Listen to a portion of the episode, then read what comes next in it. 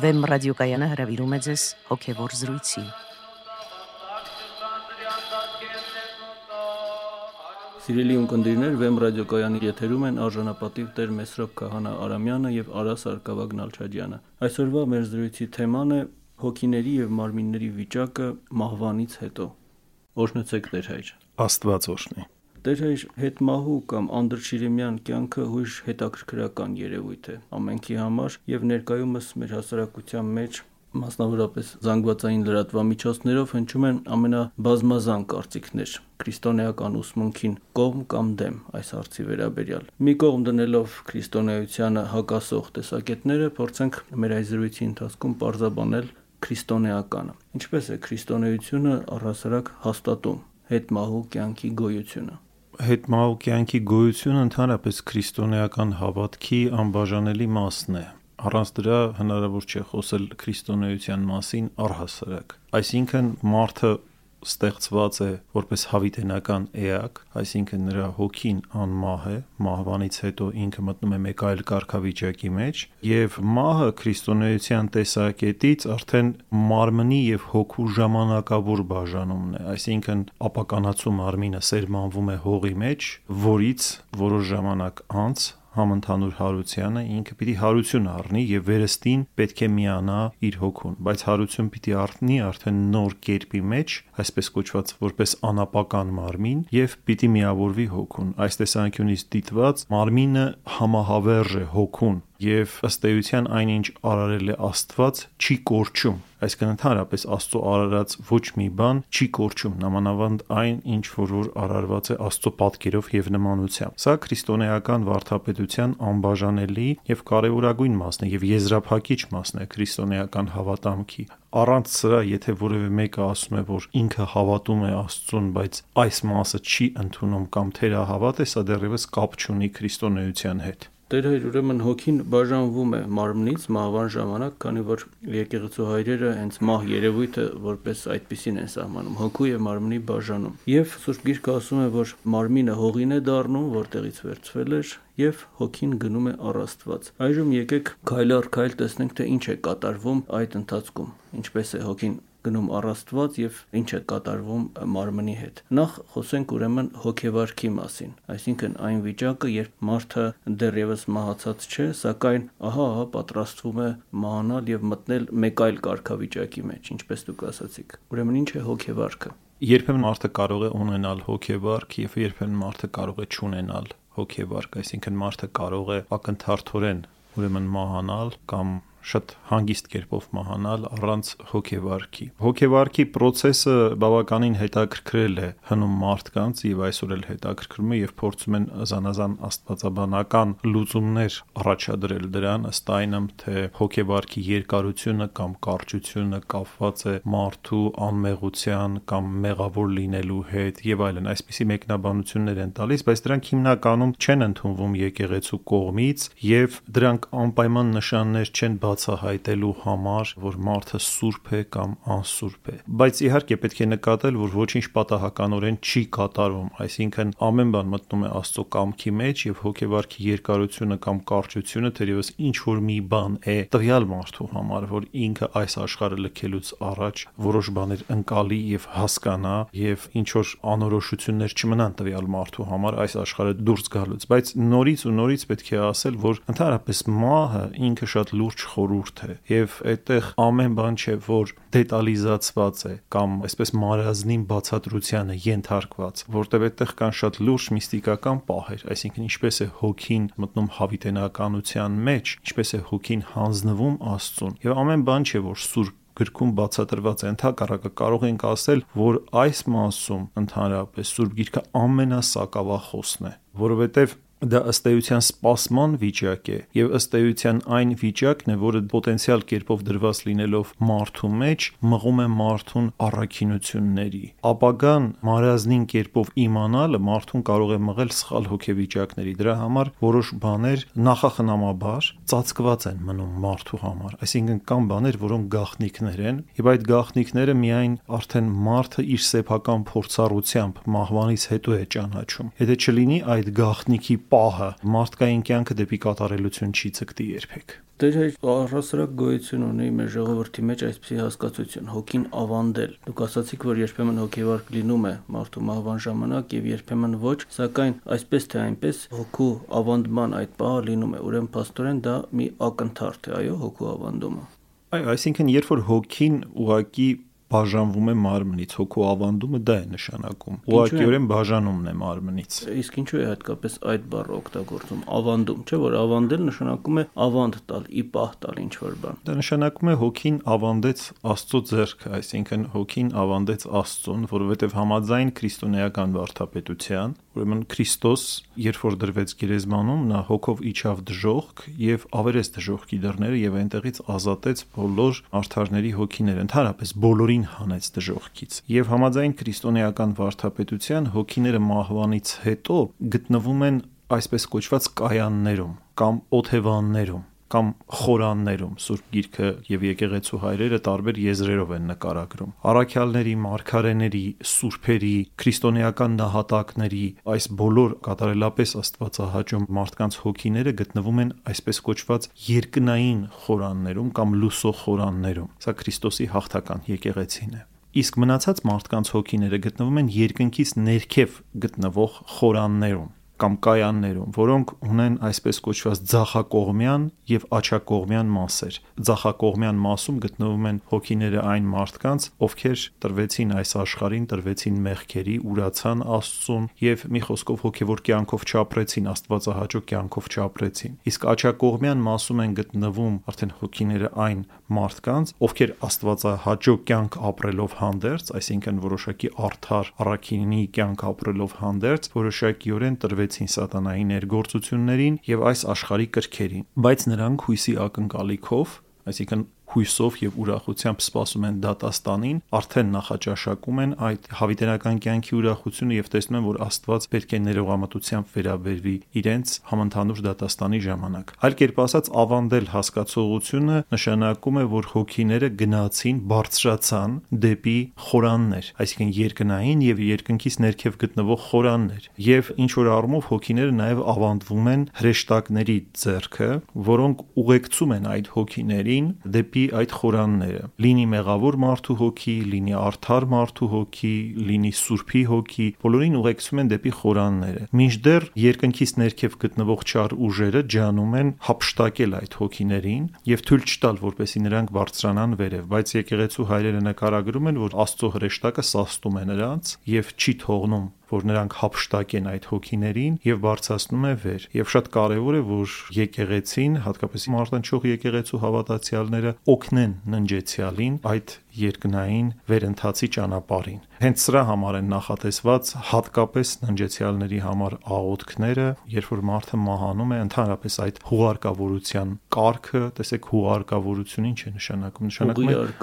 Այո, դա նշանակում է ճամփա դնել ճանապարհ դնել, այսինքն մենք մեկին ճանապարհ ենք դնում դեպի երկինք Եվ այդ process-ը, որ մենք երկար քայլում ենք, տանում ենք ննջեցյալին դեպի գերեզման, այդպես թափորով, հանդիսավորությամբ, դա նույնպես ցույց է տալիս երկնայինի պատկերը, այդպիսի հանդիսավորությամբ էլ հոգին է բարձանում դեպի երկինք։ Եթե այստեղ քահանան է առաջնորդում, այնտեղ Աստծո հրեշտակն է առաջնորդում։ Եւ ինչպես այստեղ պետք է աղոթքներով ուղեկցել, հատկապես երբ որ մարմինը հանձնվեց գերեզմանի, ոչ թե պետք է տրվել անհույս սքի, այլ ընդհակառակը հույսով պետք է աղոթել։ Միայն դրան դրանով է, որ մենք կարող ենք որևէ օգտակարություն պատճառել մեր ննջեցյալին։ Իսկ ընդհակառակը անհույս սուքով մենք ավելի կարող ենք վնաս հասցնել նրան, եթե կարելի այսպես ասել։ Դերեր դուք ասացիք, որ հոգին տեսնում է, որ այսպես կամ տեսնում է այնպես, այսինքն մարմնից բաժանվելուց հետո հոգին ունի այդ հատկությունները՝ տեսնելու, լսելու, ուրախանալու, շարժվելու կամ առհասարակ բանականությունը, կամքը եւ մյուս հատկությունները, որ բնորոշ են հոգուն, մարդու կենթանության օրոք, դրանք պահպանվում են հոգու մոտ պահպանվում են ոչ ամբողջական կերպով։ Օրինակ, ասենք հոգին չի կարող ունենալ այնպիսի ցանկություններ, ինչ որ որ ունի մարմնավոր կյանքում այսինքն այդ ցանկական ոլորտը հոգու այլևս այդպես չի գործում բայց միևնույն է պետք է հասկանալ որ հոգու հիմնական զորությունները պահպանվում են որն է բանական ցասմնական ցանկական բայց այդ զորությունները այլևս չեն գործում այն կերպով, ինչպես իրենք գործում էին մարմնավոր կյանքում։ Այսինքն նաև իրենք ճունեն այն քրական, այսպես ասած, ազդեցությունները, ներգործությունները, որոնք կատարվում էր հոգու վրա ֆիզիկական մարմնի գոյության պատճառով։ Բայց հոգին ինքը որպես կենթանի գոյություն իր որոշակի զորություններով անշուշտ կա, գործում է եւ տեսնում է եւ զգում է եւ ինչ որ առումով հաղորդակից է այս աշխարհին։ Այսինքն մենք զգում ենք օրինակ երկնավոր սուրբերի ներկայությունը մեր կյանքում, աղոթում ենք նրանց, դիմում ենք նրանց կենթանի բարեխոսությանը։ Ինչու ենք դիմում նրանց բարեխոսությանը, եթե նրանք մեզ չեն լսում, եթե նրանք չեն տեսնում մեր տարապանքները։ Ինչու են նրանց բարեխոսությունները այդպես զորավոր, երբ որ դիմում ենք նրանց։ Ուրեմն նշանակում է, որ նրանք կենթանի կերպով ներկա են Քրիստոսի եկեղեցում եւ մարտնչող եկեղեցում եւ մարտնչող ու հաղթական եկեղեցիները անընդհատ աղոթական կապի մեջ են միմյանց հետ եւ փոխադարձ զորացնում են իրենց աղոթքներով։ Տերեր, ուրեմն մարդկանց հոգիները տեղաբաշխվում են. հոգիների կայաններում, թե արդարներին եւ թե մեղավորներինը, իսկ մարմինը մնում է երկրի վրա, նա ապականվում է, հետսետե նախ ավելի թույլ հյուսվածքները, հետո ավելի ամորները, դիմացկունները, սակայն ի վերջո ամբողջությամբ մարդու մարմինը ապականվում եւ տարալուծվում է հողի մեջ։ Ինչը տեղի ունենում դրանից հետո այդ սպասման վիճակը եւ տարալուծված վիճակը հողում Մարմինները անհասցե չեն տարալուծվում, որովհետև այդ մարմիններից պետք է ծնվի, ինչպես ասացինք, հարուցյալ մարմինը կամ անապական մարմինը։ Ինչպես է դա տեղի ունենում։ Սուրբ Գիրքը շատ է օգտագործում սերմնացանության տարբերակը նկարագրելու համար մարմինների ապագա նորոգությունը, ասելով, որ ինչպես ծորենի հատիկը սերմանվում է հողի մեջ եւ մեռնում է, ապա նրանից ծնվում է ոսկե հասկա, այնպես էլ պետք է լինի մեր մարմինների հարությունը։ Այսինքն, մինչև մարդու մարմինը չմեռնի, չմատնվի ապականության, նրանից չի ծնվի անապականը կամ չի ծնվի նորը, որը ըստ Աստծո է եւ ամեն ինչով նման է արդեն հոգուն, որովհետեւ այս ապականացու մարմինը ենթակա էր քայքայման, բայց արդեն անապական մարմինները քայքայման ենթակա չեն լինելու եւ ասում է, որ սուրբերը արեգակի պես փայլելու են երկնքի արխայության մեջ։ Այդպիսին է լինելու անապական մարմնի պատկերը այդ մարմինները նույնիսկ ճունեին այդ պատկերը, այսինքն սուրբերը ինչ որ առումով ծածկվում էին մարմնի մեջ։ Այսինքն մարմինը ինչ որ քող էր, որը պահպանում էր կամ փակում էր նրանց սրբության ամբողջ լույսը, որպեսզի նրանք մարդկանց կողմից չփառավորվեին, որպեսզի հետագայում նրանք Աստծո կողմից փառավորվեին, բայց անապական մարմինը ինքը կատարելապես արդեն թափանցիկ է լինելու ոչ բառիս այս իմաստով, այսինքն ամեն ինչով ցույց է տալու սրբության այդ վերին երկնային գեղեցկությունը եւ դրա համար սուրբերը փայլելու են երկնքում, ինչպես արեգակներ, այնպես որ ապականացու մարմինը պիտի սերմանվի հողի մեջ պիտի մեռնի եւ պիտի քայքայվի եւ նրանից պիտի ծնվի անապականը, որը ենթակա չէ քայքայման եւ անմահ է լինելով։ Այսպես է ուսուցանում մեզ քրիստոնեական վարդապետությունը եւ այս մենք տեսնում ենք Տիրոջ մարմնի օրինակով։ Եվ այն ինչ որ կատարվել է Հիսուս Քրիստոսի հետ, պետք է կատարվի յուրաքանչյուրի հետ, որտեվ նա եղավ Անդրանիկը մեռելներից։ Այսինքն ինքը հարություն առավ մեռելներից։ Եթե ինքը հարություն է առել, ուրեմն դա առել է մեզ համար, որովհետեւ իրենով ենք մենք ներկայանալու Աստծուն, մենք նրա մարմնի անդամներն ենք։ Նա Անդրանիկն է, իսկ մենք նրա եղբայրներն ենք, այդպես է ուսուցանում մեզ Սուրբ Գիրքը։ Ուրեմն այն ինչ որ կատարվել է Տիրոջ հետ, դա պետք է կատարվի բոլորի հետ։ Դա է մարդկության ճանապարհը, որովհետև հենց ինքը Քրիստոսն է ճանապարհը, ասում է ես եմ ճանապարհը։ Եվ դա ինքն իր համար չարեց Քրիստոս, որովհետև ինքը դրա կարիքը չուներ։ Ինքը հավիտենական Աստված է եւ արարիչն է ամենայնի։ Ինքը կարիք չուներ ինչ որ հրաշքներ մեզ ցույց տալու կամ ինչ որ արտառոց բաներ անելու, որպեսզի մենք զարմանայինք։ Քրիստոս աշխարհ չի եկել որևէ մեկին զարմացնելու համար։ Քրիստոս աշխարհ է եկել ճանապարհը ցույց տալու համար։ Ինքը աստորեն ճանապարհ է մեզ համար։ Այո, այն ինչ որ Քրիստոսով կատարվում է, դա տնորինություն է փրկական այն ինչ Քրիստոսով կատարվում է դառնում է հնարավոր մեզ համար ըստ հավատքի Տեր հեր, ուրեմն համընդհանուր հարության ժամանակ ասացիք, որ մարմինների նորոգություն է տեղի ունենում, արդեն ապականված, կայկայված եւ ամբողջովին նույնիսկ եթե տարալուծված լինի այդպիսի մարմինը, այսինքն տարալուծման ինչ աստիճանի էլ որ հասած լինի նա, նորոգվում է եւ ստանում է մի կատարյալ նորոգություն, կատարյալ մի կերպարանք եւ այդպես միանում է իր հոգուն եւ մտնում հավիտենականություն։ եւ եթե օրինակ ասենք որևէ վնասվածք, թերություն, որևէ վերք կար այդ մարմնի վրա, բնականաբար կատարելությունը ենթադրում է, որ այդպիսի բան չպետք է լինի մարմնի վրա։ Սակայն մյուս կողմից չէ որ մենք մեր երկրավոր կյանքի ընթացքում մեղքերով վնասում ենք մեր հոգին։ Հոգին նույնպես այդպիսի վերքեր, վնասվածքներ եւ թերություններ է ստանում։ Ուրեմն համընդհանուր հարության ժամանակ հոգու այդպիսի վնասվածքները նույնպես պետք է նորոգության ենթարկվեն, թե միայն մարմնինը։ Եկեղեցու հայրերը ուսուցանում են, որ ճիշտ է բոլոր մարդկանց մարմինները հարություն են առնելու եւ ինչպես արդեն ասացինք սուրբերի մարմինները արեգակի պես փայլելու են երկնքում բայց միևնույն է լինելու է զանազանություն եւ ըստ ամենայնի մարմինները պետք է արտացոլեն հոգիների վիճակը այսինքն մեղավոր մարդկանց մարմինները, թեպետ եւ իրենք արդեն մտնել են հավիտենական կերպի մեջ, բայց հավիտենապես կրելու են նաեւ իրենց հոգու պատկերը իրենց մեջ։ Այլ կերպ ասած, ինչպիսին որ հոգին է լինելու, ինչ թերություններ որ մարդու հոգին է ունենալու, այդ թերությունները արտացոլված են լինելու նաև ֆիզիկական պլանի վրա, որովհետև դրանք ունեն շատ խորը առնչություն։ Բայց ինչ վերաբերվում է որոշակի, ասենք, թերություններին, որը ունեցել է մարդը այս կյանքում, այդ թերությունները համաձայն եկեղեցու հայրերի գոնե մենք արթարների բարագային գիտենք, որ դրանք բոլորը վերականգնվելու են։ Եվ համաձայն եկեղեցու վարդապետության, այսինքն մարդիկ երեխա կամ ծեր այսպիսի տարիքներում չեն հարություն առնելու, այսինքն մարմինը ինքը ունենալու է Քրիստոսի տարիքի չափը, հասակի չափը եւ բոլոր մարդիկ պետք է հարություն առնեն այդ տարիքի մեջ։ Հոգ չէ, որ մեկը ավելի վաղ է մահացել կամ մեկը ավելի ծեր է մահացել, այսինքն մարմինները հարություն են առնելու իրենց կատարյալ հասակի եւ կատարյալ կերպի մեջ։ Հետո բացի դրանից նաեւ ոմանց մոտ տարակուսանք է հարուցում այն հանգամանքը, որ ինչպես կարող է քայքայված մարմինը տարալուծված, նույնիսկ ասենք թե օրինակ ծով նետված կամ ասենք հրդեհի մեջ ընկած մարմինը, զանազան հանգամանքներում հայտնված մարմինները, որոնք նույնիսկ անգամ գերեզման չունեն, իրենք ինչպես պետք է հարություն առնեն։ Այստեղ խոսքը գնում է գոյացության մասին, այսինքն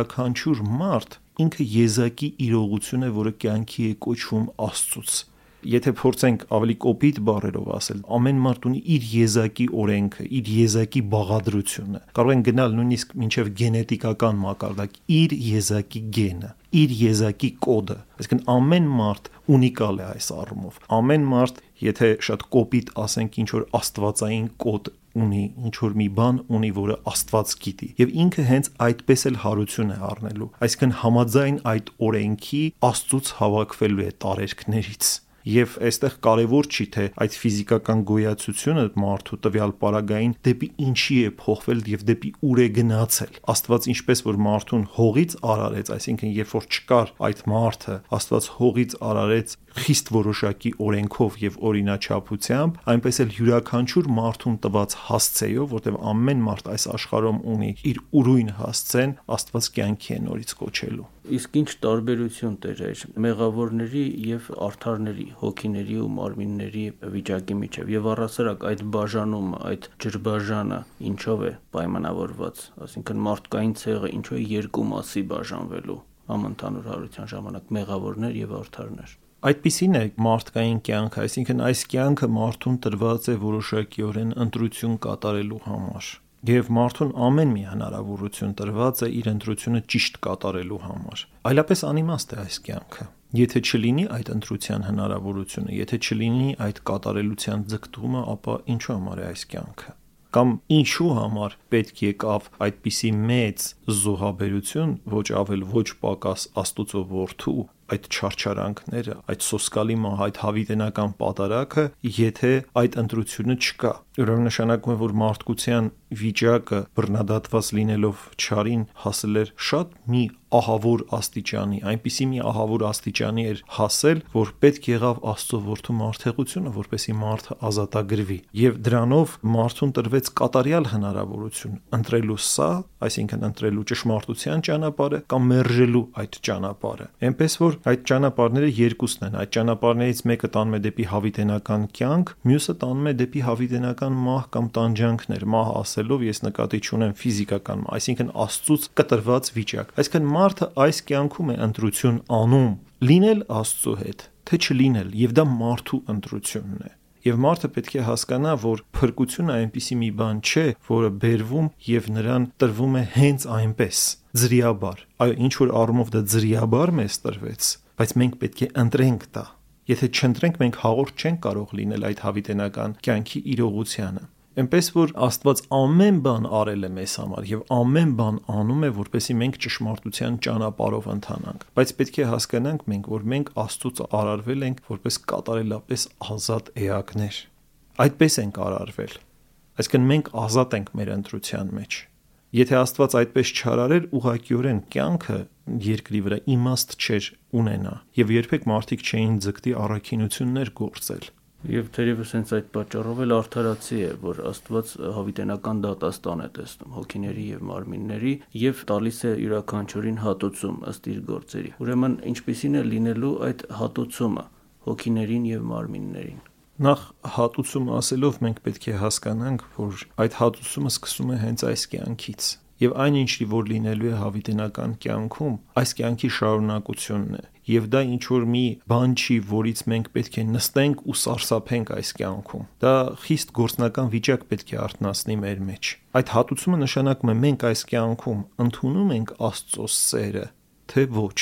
Սա շատ կարևոր բան է, որտեվ եթե մենք չենք ընդունում Աստծո սերը, հավիտենական կյանքում նրա հետ չենք լինելու։ Եվ սա իսկ արդեն մեծագույն դատապարտությունն է։ Այսինքն իր դատապարտությունը մարդը այս կյանքում է գրում, կայացնում Աստծո սերը ընդունելով կամ չընդունելով, Աստծուն սիրելով կամ չսիրելով։ Եթե չսիրես, նա չի լինի նրա հետ իսկ եթե սիրեց, կլինի նրա հետ։ Այս է ամբողջ դատաստանի իրողությունը։ Մնացած բոլոր բաները, որ նկարագրվում են այդ սարսափելի բաները եւ այլն եւ այլն, սրանք երկրորդական բաներ են, որովհետեւ ավելի սարսափելի բան չկա, քան Աստծուց կտրված լինելը, Աստծո հետ չլինելը։ Եվ սա յուրաքանչյուր մարդ այս կյանքում շատ անմիջական կերպով կարող է զգալ, շատ անմիջական կերպով։ Ամեն մարդ, որը մտնում է հոգեվոր կյանքի մեջ, որ ճաշակում է հոգևոր կյանքը, հանկարծ իր համար բացահայտում է Աստծո ներկայությունը, Աստծո գոյությունը, Աստծո անսահման սերը, ինքը հասկանում է, որ այն կյանքը, ինչ որ ինքը ապրել էր,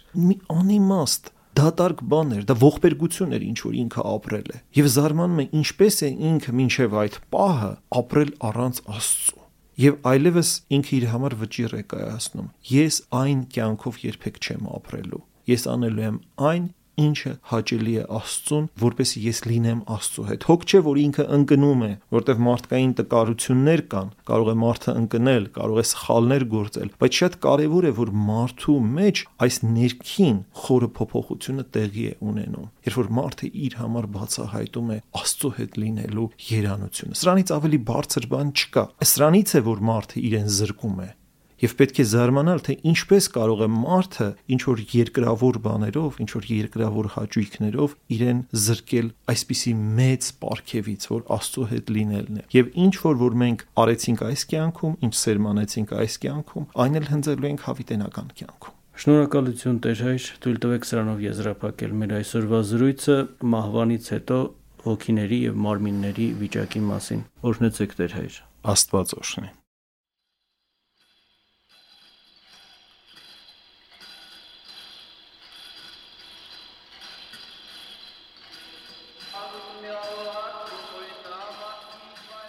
Հոգևոր զրույցներ հաղորդաշարի հերթական հաղորդումը վարեց Արաս Սարգսակ Նալչաջյանը։